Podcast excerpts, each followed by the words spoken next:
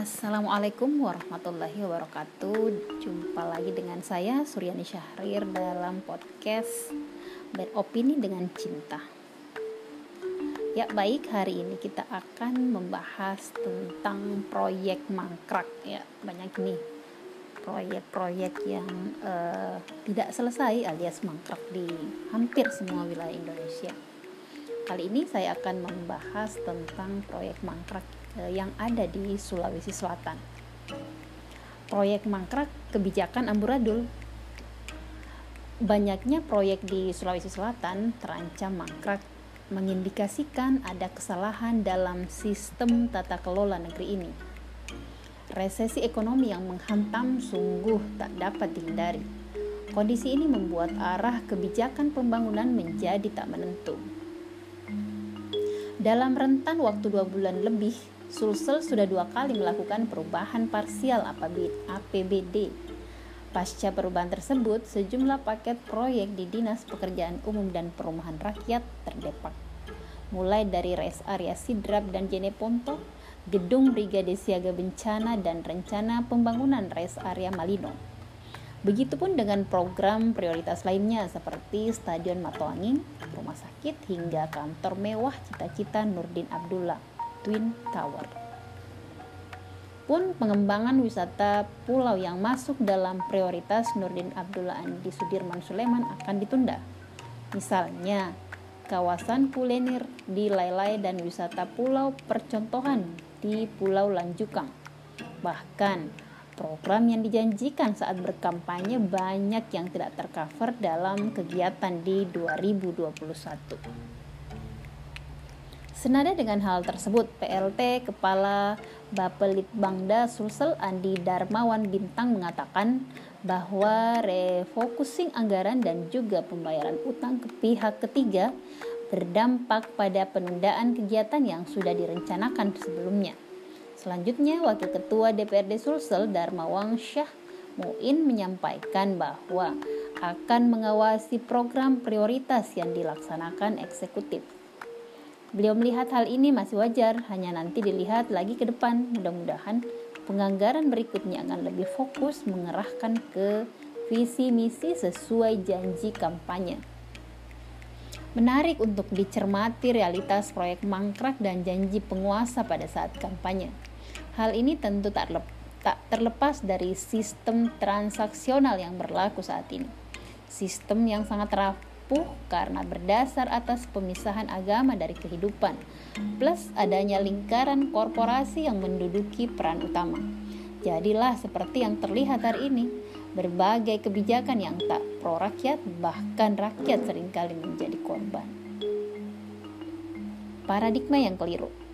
Pembangunan sejatinya menciptakan kesejahteraan untuk semua, namun karena paradigma berpikir yang tidak berdasar aturan ilahiyah, maka terjadilah kerusakan di mana-mana.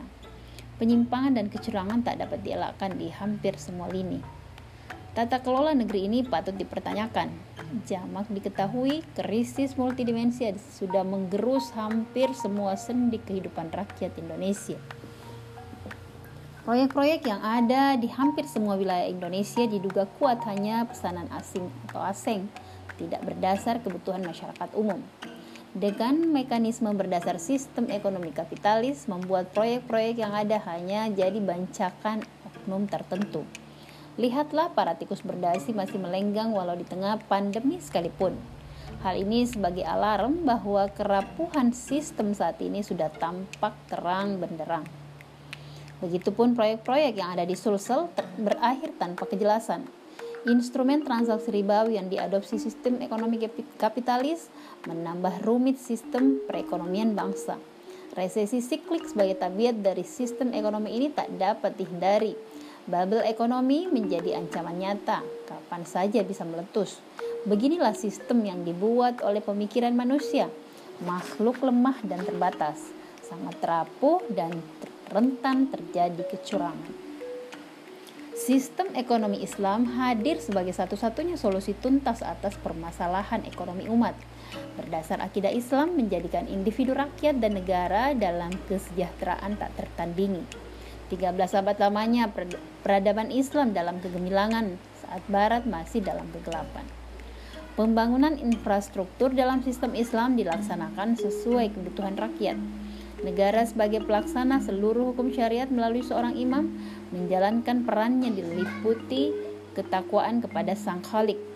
Negara berperan penting dalam meriayah atau mengurusi seluruh urusan rakyat, baik kebutuhan pokok individu maupun kebutuhan pokok publik.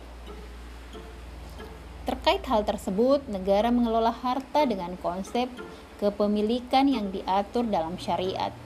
Tiga jenis kepemilikan yakni kepemilikan individu, kepemilikan umum, dan kepemilikan negara. Masing-masing kepemilikan dimaksimalkan pengelolaannya tanpa mengganggu yang lain. Terpenting juga bahwa negara mengelolanya secara mandiri dan berdaulat, jauh dari transaksi yang melanggar syariat seperti riba. Dari sini terlihat bahwa pembangunan infrastruktur dalam sistem Islam dirancang secara komprehensif. Terlihat kebijakan yang ditempuh penguasa dalam rangka memenuhi kebutuhan rakyat demi kesejahteraan untuk semua. Tidak ada politik transaksional yang berpeluang membuat proyek mangkrak seperti saat ini. Tersebab penguasa maupun rakyat sangat takut akan pertanggungjawaban kelak di akhirat sebagaimana sabda Nabi Shallallahu Alaihi Wasallam dari hadis Abdullah bin Amr. Setiap dari kalian adalah pemimpin dan setiap dari kalian akan dimintai pertanggungjawaban tentang apa yang ia pimpin. Hadis riwayat Al-Bukhari, Muslim, Abu Daud dan At-Tirmizi. Wallahu a'lam bisawab. Makassar 6 Mei 2021 Wassalamualaikum warahmatullahi wabarakatuh.